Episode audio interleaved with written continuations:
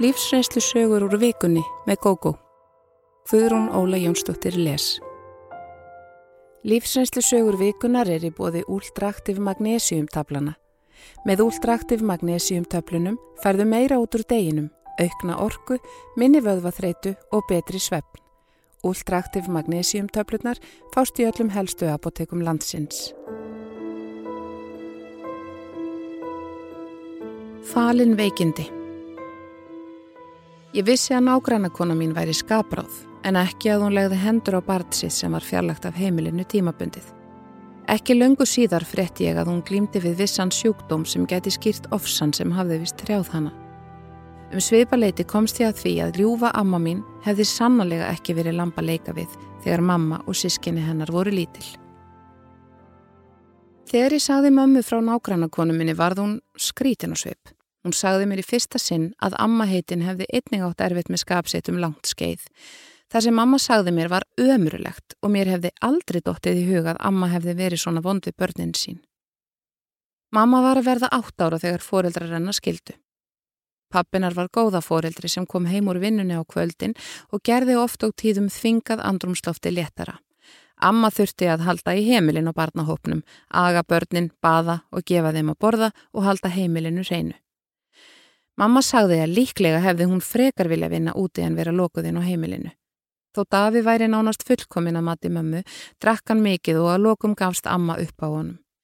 Það var eflust ekkert grín að vinna fulla vinnu og sjá einum uppeldi þryggja barna eins og amma þurfti að gera. Á meðan mömmu og sískinumennar þótti hún alveg ómöguleg, settu þau afa upp á stall en það voru samskiptin við hann alltaf afar góð þótt sjálfgeða væru. Vissulega hafði amma sína skapresti á meðan afi bjóin á heimilinu en þeir versnuðu og jökust til muna eftir skilnaðin. Það var eins og afi hefði verið heimilin sem hún þurfti til að halda aftur af sér. Stutt var á milli mömmu og sískina hennar þryggja og þau voru samrind þótt amma gerði í því að reyna stíða þeim í sundur. Hún hjælt til dæmis mikið upp á elsta barnið, eina strákin og refsaði honum ekki jafn harðlega á sístrunum sem voru flengdar fyrir minnstu yfirsjónis. Það þurfti alls ekki mikið til að hún misti stjórn á sér. Mjölkurglas sem heldist úr á eldursporðið, leikfung á gólfinu eftir barbi og bílaleiki og annaði þeim dúr. Hún var þó svo mislind að stundum síndi hún einhverju þólinnmæði sem hún refsaði harlega fyrir síðar þegar þannig lág á henni. Þegar mamma hugsa til æsku sinnar man hún ánast bara eftir óta og kvíða sem skegði algjörlega á góðu hlutina. Ekkert þýtti að kvarta við afa. Hann var komin með nýja fjölskyldu og vildi ekkert mísjamt heyra um ömmu, bað börn sínum að sína henni skilning á meðan hún kvartaði reglulega við þau yfir afa og þeim örlugum að hafa átt rikkveldan eiginmann og svona óþekk börn. Þar sem afið flutti út á land hittu þau hann enn sjálfnar en ella og fóruð að sjá hann í hillingum. Þegar mamma var 14 ára fór hún að vinna út á landi um sömarið og líkaði svo vel hjá fræntfólki okkar sem hún bjó hjá að hún ílendist þar um tíma. Hún hjælt áfram námi sínu þar um veturinn. Henni fannst dásamlegt að geta um frjálst höfu strókið og eiga ekki vona á óvæntum öskrum og skömmum. Þótt hún sæi auðvitað að heimilislífið hjá fræntfólkinu og vinunum væri ekki svona spennuþrungið eins og á æskuheimili hennar, áttaði hún sig samt ekki almennelega á því hversu óæðilegt þetta var fyrir enn síðar. Bróðir hennar var fluttur að heiman. Hann fór eins fljótt og hann mögulega gatt en litla sýstri mömmu var enn of ung til að komast í burtu eða um 12 ára þegar hún var orðin einn eftir hjá ömmu.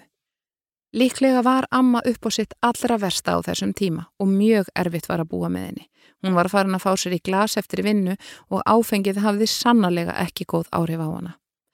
Amma var vinsæl og vel þokkuð í vinnunni og þurfti væntanlega að leta á sér þegar hún kom heim með því að argast í móðursýstur minni sem reyndi að vera sem minnst heima og dvaldi mikið hjá vinkonu sinni í næsta húsi. Mögulega gerðu foreldrar vinkonuna sig grein fyrir að eitthvað mikið væri að en það var aldrei talað um neitt. Hún fekk að vera þarna þegar hún vildi og alltaf var til matur ofan í einn mun til viðbútar. Þegar mamma heyrði sögurnar sem sýstir hennar sagðin af sambúðinu við ömmu, fyltist hún bæði hryllingi og létti yfir að bú ekki þarna, en einnig samviskubiti yfir því að geta líti gert fyrir litlu sýstur sína. Hún sagðinu meðal annars frá árás sem amma gerði á hann aða kvöldi til þegar sýstir hennar var komin upp í rúm og alveg við að festa svepp. Þær höfðu rifist fyrir um kvöldið, en sýstir mömmu hafði mun meiri kjark en mamma sem þorði yfirleitt ekki að andmæla ömmu. Eitthvað hafði reyðin kræmað í ömmu þetta kvöld því hún reyf skindilega upp dyrnar, kveikti ljósið og flegði stóri stittu í áttinað móðursistur minni. Stittan lendi á vegnum fyrir ofan rúmið og möll brotnaði. Sistri mömmu klætti sig þegar mesta áfallið var yfirstaðið og gekk nokkura kílometra leið til að fá gistingu hjá bróður sínum sem bjói hínum enda bæjarins. Hann og þáverandi kærasta hans leifðu henni að búa hjá sér um tíma. Þetta atvik og ömurlegt ástand á heimilinu almennt setti mikið marka móðursýstru mína og án Eva var þetta til þess að hún flosnaði úr námi.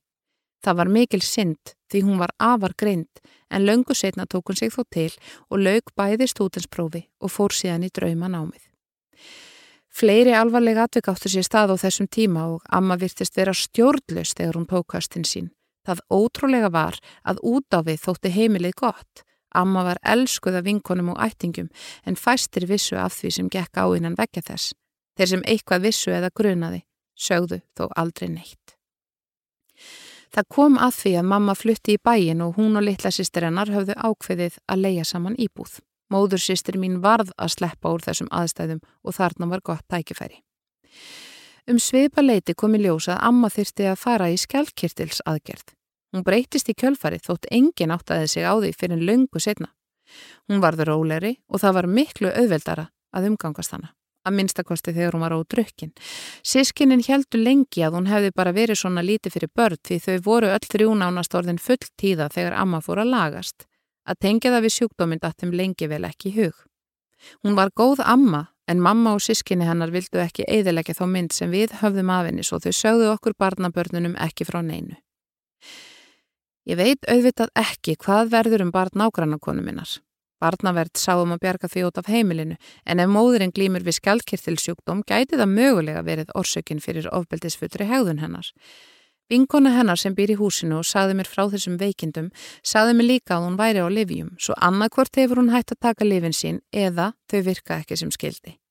Vonandi verður tekið tilliti þessa þegar kemur að framtíð barsins. Fadurinn hefur vist ekki sínt neitt áhuga á að umgangast það og móðurinn á ekki marga aðskils mér. Ég vona að hún fái hjálp, þótt heilbreyðiskerfið okkar sé vissulega mun verra og dýrara en það var þegar amma fekk sína hjálp. Það yrði sorglegt ef konan misti frá sér barnin vegna einhver sem væri hægt að laga ef þetta er það sama úr hjáði ömmu. Þótt þetta útskýri kannski ofbeldi sem amma mín síndi mömmu og sískinum hennar er það engin afsökun fyrir því. Það hefur engin leifi til að vera vondur við börn. Það tók mér nokkur tíma að trúa því almennilega að ljúfa og góða amma hefði verið svona vond við börnin sín en samkvæmt mömmu breytist hún mikið til batnaðar eftir aðgerðina. Ef sískinin hefðu ekki öll verið flúin að heiman á þessum tíma hefðu þau eflaust átta sig fyrir á ástæðum breytingana. Ég hef googlað þetta aðeins og sé á lýsingum að fólk með ofvirkan skjálkirtil geti verið uppstökt en amma var við skott betur en það með að við lýsingar mömmu. Væntalega nágrannakona minn líka fyrst barniðinar var tekið af henni. Svo kona drekkur ekki en drikja ömmu gerði ástandið eflust enn verra því þegar hún tók höstin sín var hún yðurlega undir áhrifum áfengis. Ég talaði um þetta við gamla vinkonu sem fannst þetta mjög aðteglisvert Ég vissi að pappi hennar var trilltur í skapi og maðgurnar einu sinni leita skjóls í kvennaðatkvarfinu. Í kjölfari skildu fóreldrarnir. Pappin dó þegar vinkona mín var úlingur, hafði kert fullur og valdi slísi þar sem hann létt lífið. Hún var mjög hugsi yfir þessu þegar hún kvatti og fór. Ég skilða vel en vissulega getur fólk verið skapmikið og haft stuttan kveikithráð ánþess að eitthvað annað að mig að. En í tilfelli ömmu var það greinilega þetta og einni hjá nágrannakonu minni fyrst hún var í livjamaðferð við þessu. Mér finnst samt pínulíti freistandi að ímynda mér að þetta geti mögulega amaða sömu fólki sem er brjálað í skapinu.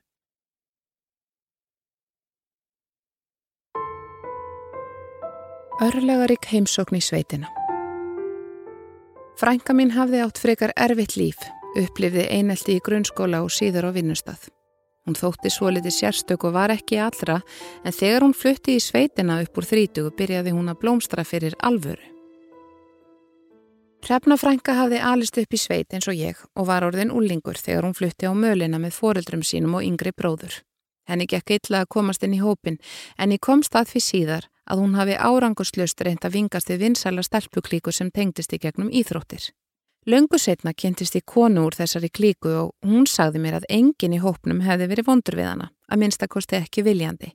Hanna hefði aldrei grunað að hrefna frænka liti á það sem eineldi að vera ekki bóðið að vera meðlemur í lokari klíku úr íþrótafélagi sem hrefna var ekki einu sinni í. Ég held að hrefna hafi verið svo litill klöyfi í samskiptum og eflust virkað upp og þrengjandi á þessa krakka. Það er ekki hægt að ætlasti þess að komast strax inn í samríndan vinahóp bara af því að mann langar sjálfan til þess. Ég hef enga ástæðu til að reyngja þessa konu sem saði mér að Hrefna hefði talað um þetta við hana áratug setna sem grimdarlegt eineldi. Konan hefði orðið bæði hissa og leið, bara Hrefnu samt afsökunar og sagði að enginn hefði ætlað sér viljandi að vera vondur við hana. Ég hef þekkt hrefnu alla æfi og mér þykir mjög væntum hana en hún gat verið erfið hér áður fyrir og fældi frekar frá sér fólk en laðaði það að sér. Hún fór stundum yfir mörg annara og þegar henni fannst hún sína seinskilni upplifðu sumir það sem algjöran dónaskap. Samt var hún ofur viðkvæm sjálf og ekkert mátti segja við hana án þess að hún er því sár. Fóreldrar hennar fóru ekkert lind með að þau heldu meira upp á bróður hrefnu en hanna sjálfa og það getur ekki hafa verið holdt sálarteitrunu. Sónur minn var um tímalagður í einelti í skóla og það var allt öðru vísi. Hann fikk engan frið og markvist var reynd að brjóta hann niður með ýmsum hætti. Þannig var það ekki í tilfelli refnu og eftir að ég talaði við bekkjasistur hennar, ljúfa konu, fannst mér hún hafa staðfest grunnminnum að refna hefði ekki orðið fyrir eiginlegu einelti. Hún upplifði vissulega höfnun en venjuleg manneska hefði líklega reynd fyrir sér annar staðar ef hún fengi ekki yngöngu í ákveðin hóp. Það má ekki gjaldfella orðið einelti og nota það yfir höfnun eða mótrækni sem allir upplifa einhver tíma í lífinu. Það er óvirðing við þá sem hafa lendi einelti.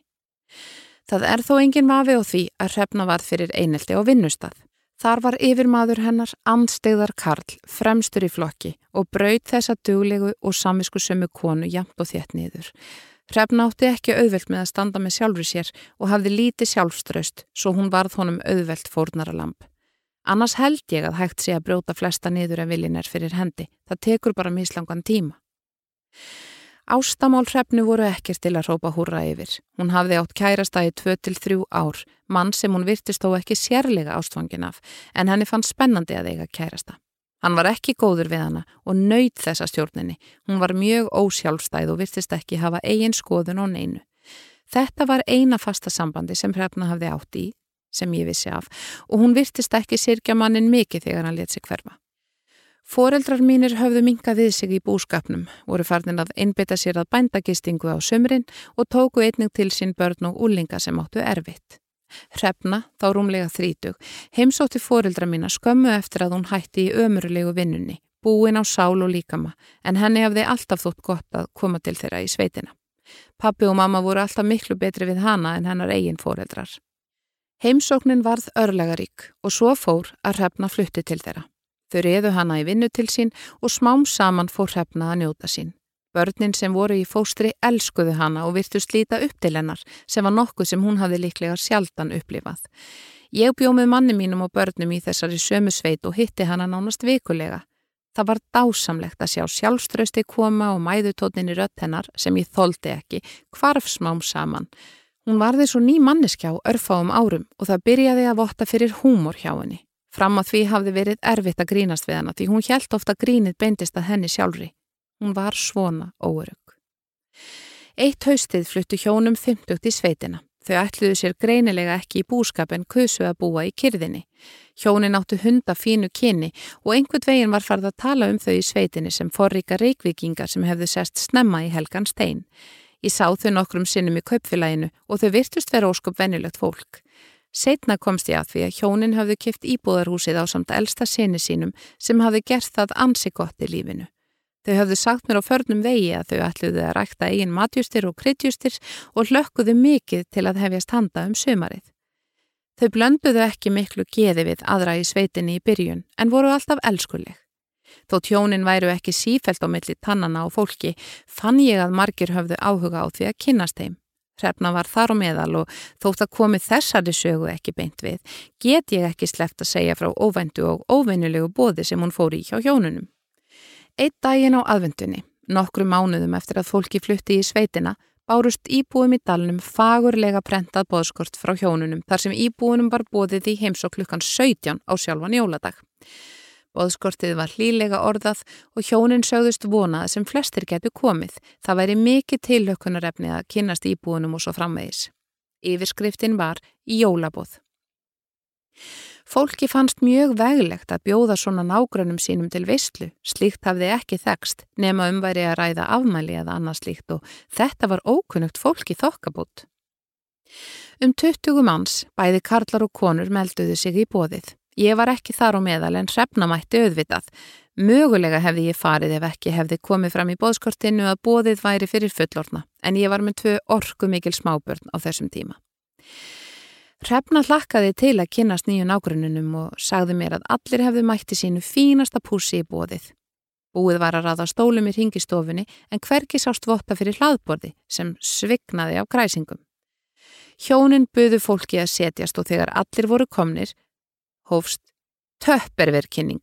Ekki nómið það heldur voru veitingarnar af óvæntri gerð eða hörbalæf þeitingur, borin fram í plastglösunum en hjónin seldu veitning hörbalæf.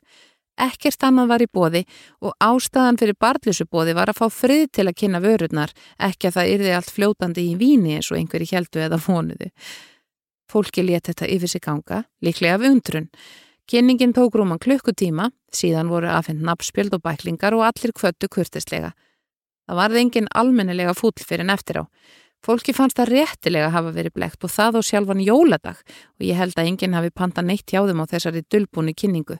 Þeir sem hafðu hlakka til að fá hangikjöt og uppstúf eða jafnvel snittur með gulldufti eins og eitt sveitungi minn grínaðist með voru sérlega svektir því allir byggust við að fá veitingar í jólabóði.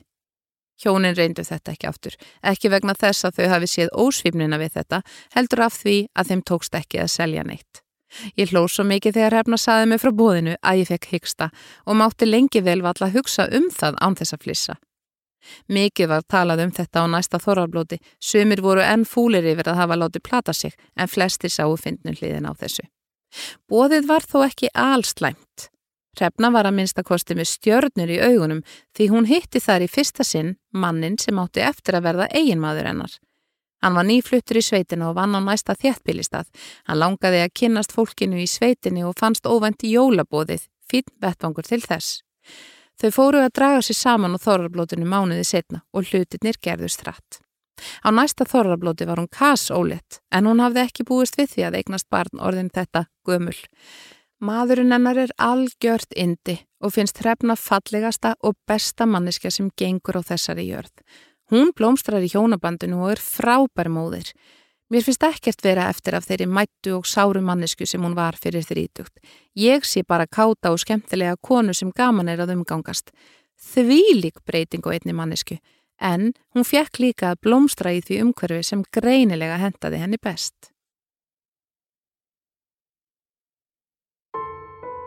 Þegar læknar bregðast Saga fjölskyldum minnar er svo ótrúleg að ég veit ekki hver ég á að byrja. Á síðasta ári urðu atbyrðir sem gera það að verkum að ég get ekki treyst íslensku heilbreyðiskerfi og við setjum uppi í sárum vegna alvarlegra læknamistaka. Aðfara nótt sunnudagsins 20. og 7. september datt mamma mín heima hjá sér. Pappi var út á sjó og enginn hjá mömmu.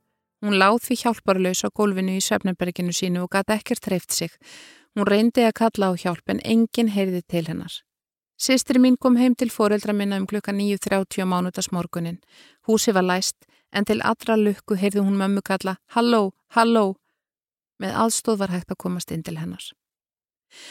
Mamma var flutt fyrstu ferðina á sjúkrahúsi með sjúkrabíl og lögð inn. Hún var með háan blóðþristing og fekk meðferð við honum. Hún lá inni næstu þrjá daga en af einhverjum ástæðum ákvaður læknar og hjúgrunar fólk að taka af henni stert verkelif sem hún hefur tekið í fjölda ára vegna meðsla í bílslissum. Þeir töldu lifið hafa valdið því að hún datt en vegna þess að hún þarnast livja var henni skaffaður livjakoktill. Við ringdum í pappa og sögðum honum hvað hefði komið fyrir. Honum datt fyrst af öllu í hugað hún hefði fengið heila blóðfall en það misti hún föður sinn og eitt sískinni úr þeim sjúkdómi. Að auki er annað sískinni hennar lamaði hjólastóla völdum heila blóðfalls. Læknandir vildu hins vegar ekki heyra á það minnst og töldu engar líkur á að þar væri skýringuna á einnkjönnu mömmu að finna. Pappi kom heim daginn eftir að mamma var útskrifið af spítalunum. Hann þurfti ekki annað en að líta á hana til að sjá að eitthvað væri að. Hann fór með hana á bráðamótökuna einum degi setna. Þá var komin lömun í hægri höndum ömmu og tal hennar orði skrítið. Hún var skoðuð og blóðþristingurinn mældur en hann reyndist hár. Ungleiknirinn sem hafði með hana að gera sagði að þetta væri ekki heila blóðfall og gaf í skinn að hún væri að íkja lömunina í handlegnum vegna þess að þegar hann let hönd hennar detta kiftist handlegurinn til. Sistri mín var með pappa þegar hann sagði þetta og getur því búið vittni um að þetta voru hans orð. Mamma taldi sjálf að ekkert væri að sér en hún kvartarunar aldrei og reynir ávalt að bera sig vel, sama hvað gengur á. Pappi var því sendur með hana heim um kvöldmandarleiti þennan dag. Þeir töldu sig vera búna að koma jafnvægi á ástand hennar og blóðfristingnum höfðu þeir náði eitthvað niður. Óskýrt tal hennar var að þeirra mati afleiðing lifi hana sem þeir höfðu dælt í hana. Skamturinn var því mingaður. Ungleiknirinn fullirti jafnframt að hér geti ekki verið um heila blóðfallaræða því enn sé engin lömin í andliti mömmu. Hann hlustaði ekki á þegar pappi sáðunum að fjölskyldu saga um andlát og alvarleg veikindi að völdum heila blóðfalls væri í ætt mömmu. Pappi var alltaf handvissum að þetta væri heila blóðfall og reyndi allt hvað hann gað til að sannfara heilbriðistarsfólkið um að svo væri.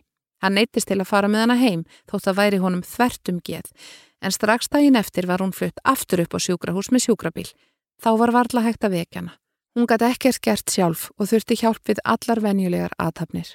Hægri handlegur var alveg lamaður og hún dró hægri fóta á eftir sér. Gati raun alls ekki gengið óstödd. Pappi var samt sendur með hana heim um klukkan þrjú um nóttina. Þetta var aðfara nú þriðudags. Ég heimsóti þau daginn eftir, ætlaði að færa mömmu mynd sem ég málaði. Þegar ég kom inn var sýsti mín hjá henni, hún sagði mér að pappi væri á bráðamótugunni að reyna að fá að tala við lækni til að ræða ástand mömmu. Hún sagði að mömmu hefði rakað mikið allan daginn. Önnu sýstir okkar hafði verið hjá mömmu fyrir um daginn. Hún let mömmu prófa að skrifa nafnu sitt með vinstri hendi. Allir geta skrifa nafn sitt með rángri hendi en bara illa.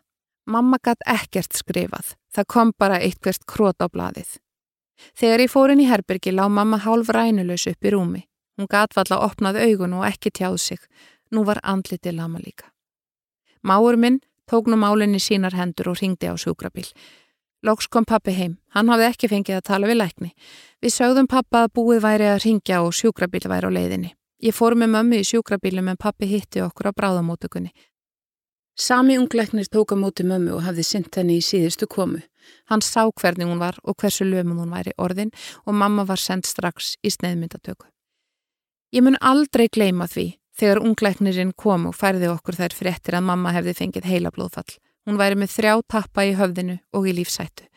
Hann sagði að það hefði verið gerð hræðileg mistök. Ég sá að pappi var reyður. Hann sagði við læknin, ég var búin að segja ykkur þetta en til hlustuðuð ekki. Ég brotnaði hins vegar saman og brjálaðist hann inni. Ég öskraði hágrátandi á læknin að ég ætlaði ekki að missa mömmu. Nýlega misti ég sýstursón minn og sorgin því enn mjög hrá og sár. Ég bendi þeim á að nógu erfitt hefði verið að missa hann og það einnig fyrir ákveðin miðstök lækna. Síðar um kvöldi fekk unglæknirinn svo að heyra meira um látans og við sáum að hann var á endanum komin með tárin í augum. Það kom í minn hlut að ringja í sýstur mínar en ég var hágrátandi og átti erfitt með að koma til skila að mamma væri með alvarlegt heilablóðfall og í lífsættu. Næst var hún flutt á Liviadeild. Yfirlæknir þar talaði við okkur fjölskylduna og viðurkendi einninga mistök hefði verið gerði í ummönnun og greiningu sjúkdómsmömmu. Pappi sáðunum þetta með föðurennar og sískinni og bendi á að þetta hefði hann tíundað fyrir hinum læknunum en ekki verið hlustað á hann. Yfirlæknirinn varð hissa, hann hafði aldrei fengið þessar upplýsingar frá unglæknunum og bráðumótugunni. Við fengum þær fregnir að það væri of áhættu samt að senda hana í bráða aðger söður því sekkurinn í hálslagaðinu geti skoti fleiri töppum upp í höfuð eða sekkurinn geti losnað. Þá væri þetta búið. Það þyrsti að reyna að náma með stöðugri áður. Læknirinn sagði að það geti allt gerst á meðan. Við tók erfiðu tími og við byðum millir vonar og óta. Heimsóknar tími okkar var takmarkaður því mamma mátti ekki við miklu. Allt var gert til að halda blóþyrstingnum stöðugum. Við skiptumst á að vera hjá mömmu eitt og eitt í einu. Hinn byðu í herbergi aðstandenda. Við fengum leifilæknana til að leifa barnabörnunum hennar að koma til að hveðja til öryggis. Lóks kom að því að hægt var að senda mömmu söður. Við kvöttum hann öll fyrir aðgerð og svo tók við erfið byð þar til læknir kom og sagði pappa að aðgerðin hefði gengið vel. Þeir náðu seknum úr hálslagæðinni. Mamma tók ótrúlegum framförum eftir aðgerðina og var með honum lág inni. Eftir sjúkrahúsleguna fór hún í endurhæfingu á Kristnesi. Hún hefur náð góðum árangri í tali en þarf heimahjógrun og talsverða ummunun enn í dag. Hún getur eitthvað gengi sjálf en þarf stundum stuðning. Hún getur ekkert notað hægri höndina en hefur tekist að liftina aðeins. Fingurnir eru hins vegar alveg mátlausir. En þarf hún því sjúkraþjálfun og hjálpið að fara í bað. Sárast af öllu er að vita að þetta hefði ekki þurft að fara svona. Spartnaðurinn í helbriðiskerfinni gerði það að verkum að menn kusu að senda hana ekki í sneiðmyndatöku þótt hún hefði flest enginni heilablóðfalls önnur en lömun í andliti. Við erum enn öll að reyna að ná okkur eftir þessi ósköp en ég veit að langt er í að ég geti treyst helbriðiskerfinu á Íslandi. Lærdómsrík tímasóun Fyrir nokkrum árum átti ég í skrítnu haldu mér sleftu mér sambandi við mann sem ég var hrifin af Sambandi var reyndar platónst því hvorugt okkar tók af skarið. Eftir á að higgja fóru mér að finnast þetta svo litið fyndið. Tvær fullorðnar manneskur sem fóru í kringum hlutina eins og köttur í kringum heitan gröð. Þar til neistinn kvarf. Við smári sáumst fyrst á veitingastað þar sem samiðileg kunningakonna kynnti okkur. Hún gerði meira en það. Hún ringdi í okkur bæði daginn eftir og sagði að við værum eins og sköpuð fyrir hvort annað. Smári hafði skilið fyrir tveimur árum og flutti bæin í kjölfarið eftir langa búsetu á landsbyðinni. Þetta væri góður strákur, sagði hún, og eftir að ég hafði samþygt það, gaf hún honum símanúmeri mitt. Mér fannst þetta vandraðalegt en der í frekar feimin. Af hverju gæti hún ekki bara haldið matarbóð og bóðið okkur smáraþangað á samt fleira fólki? Þá hefðum við kynst á eðlilegan hátt, hugsaði ég pyrruð. Smári ringdi í mig daginn eftir og spurði hvort ég vildi hitta hann á kaffihúsi. Bílinn minn var á verkstæði svo ég bauð honum í kaffi til mín í staðin. Heimsóknin var góð og mér fannst gaman að tala við smára. Hann hafði ákveðna skoðanir og málum og virtist hreitn og beitn og ég sá fyrir mér að kannski væri hann maður til að draga mig út á skelinni ef eitthvað yrði úr þessu hjá okkur. Ég hef alltaf verið svo litið lokuð og átt erfitt með að treysta. Við urðum sífælt betri vinir og hittumst reglulega. Þótt hann vandaði sig ekki sérlega við að verðast fullkomin í mínum augum var ég smám saman bálskotin í honum. Miðað við endalu símtöl frá honum fyrstu vikurnar og hvernig hann kom fram við mig var ég vissum að hann endurgildi hrifninguna. Við áttum löng símtölum allt millir heimis og jarðar en forðuðumst samt að ræða tilfinningar á milli okkar. Nokkrum vikum eftir að við smári kynntumst rætti ég þetta við góðan vinminn sem sagði ákveðin að auðvitað yrði ég að fá hlutina á reynd. Það væri ekki holdt að hafa allt í lausu lofti. Ég mætti ekki óttast höfnun, hún væri mun betri en óvissan. Þrátt fyrir þessi góðu ráð var alltaf eitthvað sem stoppaði mig. Auðvitað gatt smáru verið lokaður og feiminus og ég en ég fekk fljótlega á tilfinninguna að hann beði eftir því að ég tæki fyrsta skrefið og það fannst mér óþægilegt. Það var gild ástæða fyrir grunn mínum. Smári hafði áhuga á sálfræði og saði mér gropp sögur af sér hvernig hann hefði tekið hina og þessa á sálfræðinu með því að láta það að gera það sem hann vildi án þess að þeir áttuði sig á því. Þegar framkoma hans við mig breyttist og hann fór að sína mig stundum óverðingu með ímsum hætti, fannst mér líklegt að hann vildi fá fram viðbröð og væri að nota á mig sálfræðina. Ég gerð honum það ekki til geðs, en engdist bara og var ótrúlega sár. Reyndar forðaðist ég hann um tíma á meðan ég slekti sárin. Svo fyrirgaf ég honum allt saman í huganum og reyndi að finna afsaganir fyrir þessu. En þetta var ekki það versta. Smári er vel mentaður og í góðu starfi. Hann er engin kjáni, rasisti eða neitt slíkt. Hann talaði oft um mannrittindi við mig og hvaðst vera feministi. Því þótti mér stór undarlegt þegar hann fór að leiðrætta mig og reynaði að breyta mér. Ekki málfariða slíkt, heldur hvernig ég tjáði mig. Hún fannst húmor minn of svartur og léttleiki minn virtist pyrra hann ósegjanlega. Ég nendi aldrei að þrasa við hann eða rýfast en ég var búin að átta mig á að hann var mikið fyrir læti og vesen. Ég fekk að heyra sögur af vinnustad hans og skildi ekki hvernig hann endi að vera eilíflega upp á kant við söma vinnufélagana.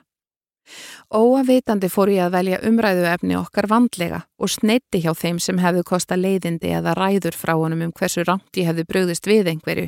Ég hefði auðvitað átt að gera það hins einn og svo framvegis. Feministinn sjálfur nöyð þessa hrútskýra málinn fyrir mér og oft trúði ég ekki eigin eirum. Mér finnst allt þrás fyrir að mannskemmandi og svaraði honum glettinslega Takk fyrir að segja mér hvað mér eigi að finnast um þetta og annaði þeim dúr. Hann þóldi það ekki og kvartaði yfir því að ég reyndi að koma inn samviskubiti hjá honum eins og barsmóður hans hefði reynd án árangurs. Þó gatt verið verulega gaman að raugraða við smára. Hann er klár og greindur og það trublaði mig líklega frá því að sjá hversu ruggla þetta var. Ég vildi ekki viðurkenna fyrir sjálfur mér að hann væri karlremba og þrasari. Við skruppum reglulega saman á kaffehús, bíó og annað slíkt en slíkar ferðir með honum gáttu verið uppspretta sárenda. Hann talaði stundum við mig eins og óþagan krakka. Ég treysti mér ekki til að segja neitt við hann strax, var reið, ótaðist að ég færi seinlega að gráta og vildi ekki gera honum það til geðs. Þegar ég jafnaði mig fór ég að finna honum afsakanis. Hann hafði átt erfiða æsku, hann saknaði dóttur sinna sem bjóð fyrir norðan og svo framvegis. Og ég held lengi í það vonað þetta breytist.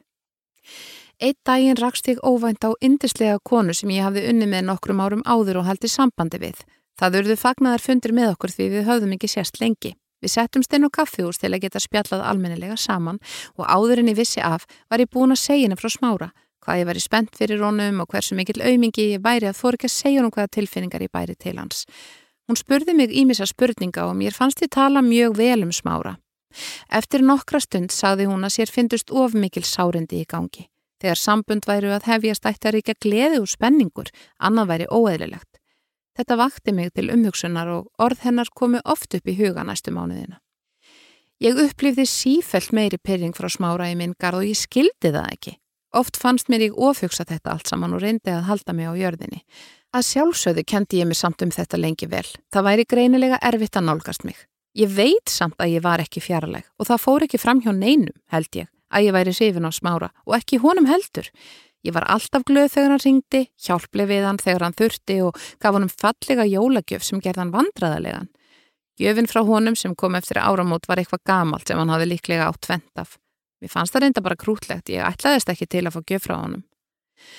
Smári talaði við mig eins og ég væri besti vinnur hans, saði mér allt, jafnvel hluti sem mér fannst óþægilegt að heyra, en svo sá ég á Facebook að hann hefði skroppið út að borða með vinkonu sinni sem smelti þakklæti sínu fyrir skemmtilega samveru á vekkin hans líklega í óþök hans og þetta gerðist nokkrum sinnum.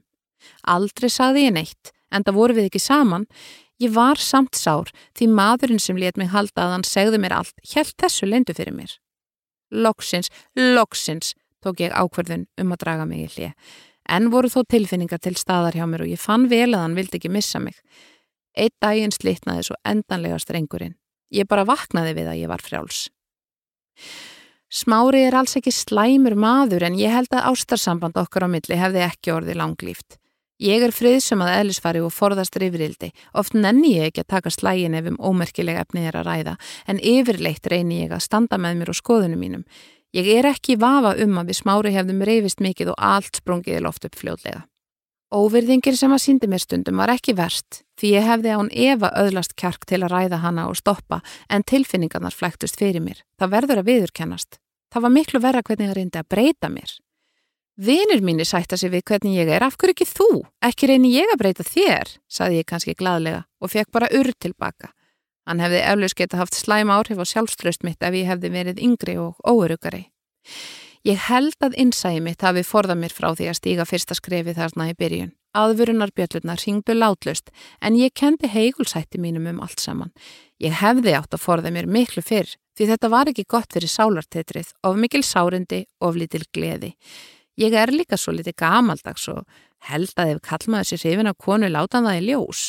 Þannig hefur einsla mín verið hinga til og ef ég hef áhuga stíg ég að skrefa móti. Þetta er skrítnasta samband sem ég hef átt í við aðra mannesku. Það var afar lærdómsrikt en samt algjör tímasóun. Lengi vel langaði mig svo til að eitthvað breytist, yrði betra en það gerðist aldrei. Ég fegi núna að hafa ekki látið undan þrýstingi vinaðum að taka af skarið til að vita hvað þú stendur og er afar þakklátt vinkonu minni sem myndi mig á að sárendi væri ekki eðlilegur fylgifiskur nýrar vináttu. Hemdin snerist í höndunum á honum. Hjónaband sýstur minnar var erfitt en henni tókst fyrir rest að rýfa sig lausa úr því. Þegar fyrirverandi maðurinn hennar hjælt að honum hefði tekist að hefna sín yllilega á henni, snerist hemdin þó í höndunum á honum. Helga, eldri sýstur mín, var ung þegar hún kynntist Ómari og þegar ég hitti hann fyrst fannst mér hann bæði skemmtilegur og sjarmirandi. Fyrsta árið og rúmlega það byggu þau í kjallaranum hjá fóruldri mínum sem hafðu útbúið ágættis aðstöðu þar. Aðstæðan var hugsuð fyrir okkur börnin þeirra fjögur til að búa í. Reyndar eitt í einu, til dæmis og meðan við værum að sapna okkur fyrir íbúð.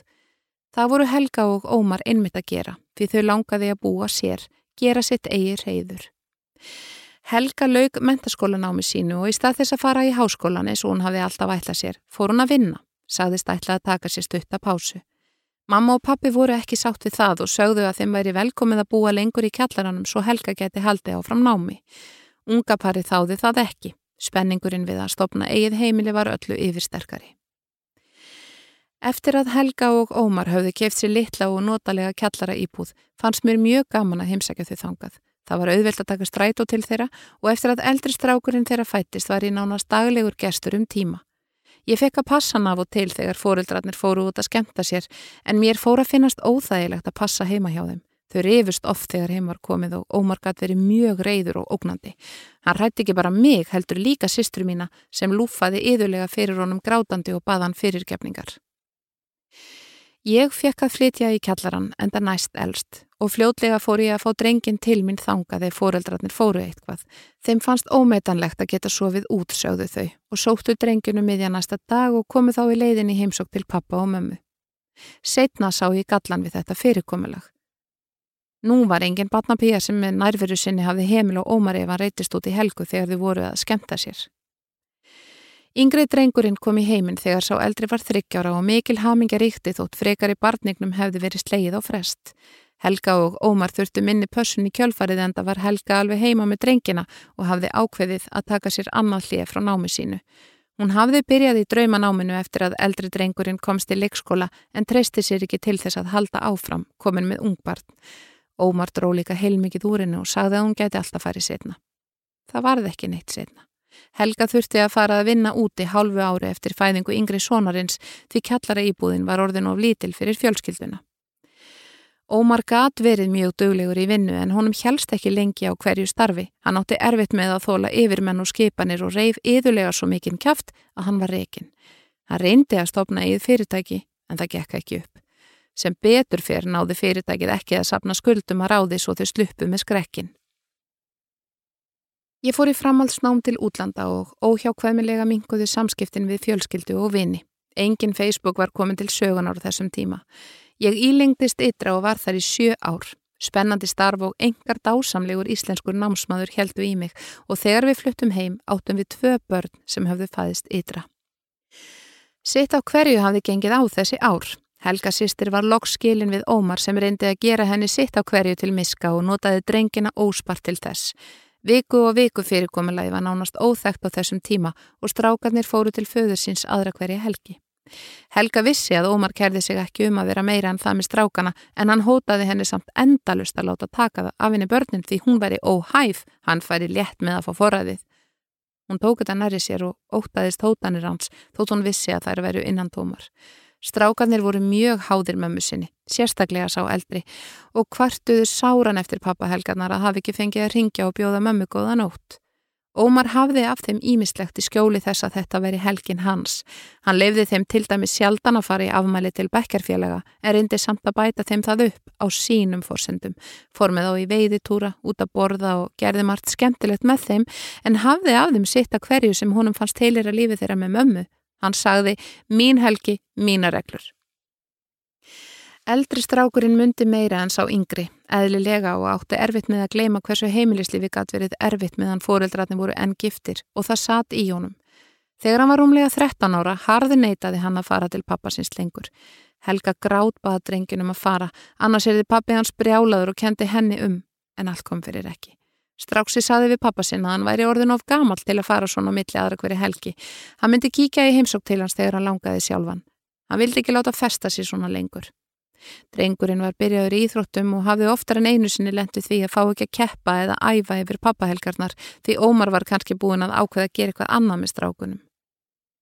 Helga hafði loks drefið sig í framhalsnámi sitt og gerði það með framvinnu og uppeldi drengjana. Pappi og mamma buðu henni og strákunum að flytja í kjallaran eftir skilnaðin og hún þáði það þar til hún fekk íbúð á stútendagörðunum. Eftir að hún fór að vera með manninum sem nú er eiginmaður hennar, versnaði Ómar til muna.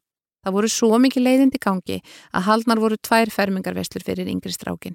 Sá eldri neitað að fermast og Ómar vildi meina að það væri helgu að kenna eins og allt annað. Yngri sonurinn kaus reyndar að fermast en þá vildi Ómar ekki taka þátt í veislunni. Helga væri búin að eitra svo mikið hug allra í hans garð að honum er ekki vært. Ómar var ömurlegur í alla staði á þessum tíma og gæti verið sérlega hugmyndaríkur þegar komað því að gera helgu lífi leitt. Yngri strákurinn var erfiður á tímabili og í kringum 15-16 ára aldurinn var hann komin í slæman félagskap. Ómar kendi helgu um það, auðvitað. Eitt daginn tilkynnti stráksi að hann ætlaði að flytja til pappasins til að losna við þessar leiðinlegu reglur á heimilinu. Helga var miður sín yfir því hann samþykti þó fyrir rest að drengurinn færi. Ómar hafði bóðið drengnum þetta í algjöri óþökk helgu og hótaði að fara í hart ef þetta gengi í gegn. Það mikilvægasta í augum Ómars virtist vera að meðlagsskildanir þið færð frá honum yfir á hana en Helga neytaði því í fyrstu. Hún endurgreiti honum frekar meðlægið og borgaði sjálf annað eins. Hún þorði ekki að breyta neinu því hún var vissum að stráksi fengi sig full satana föður sínum innan nokkura vikna. Svo fór þó ekki. Ómar síndi óvænt sínar bestu liðar og þóttan hefði mjög sennilega bóðið drengnum að búa hjá sér til að klekja á helgu snerist það í höndunum á honum. Þeðgæði náði nefnilega mjög vel saman. Þessi órái í stráknum yngaði til muna og Ómar sjálfur varði einhvern veginn mýgri og betri manniska með tímanum. Ótorlegt en satt. Sambúð þeðgana gekk mjög vel og strákurinn flutti ekki aftur til mömmu sinnar. Innan tvekja ára hafði meira að segja samband Ómars og Helgu lagast heilmikið vegna þessa. Þóttu séu kannski ekki bestu vinir í heimi, eiga þau orðið auðvöld með að umgangast hvort annað. Áður fyrr var Helga alltaf á nálum í návist Ómar sem var hundfull og leiðilegur við hana. Eldri sonurinn hefur þó engu glimt. Hann umber föður sinn en ekki meira en það. Hann hefur ekki fyrirgefið honum.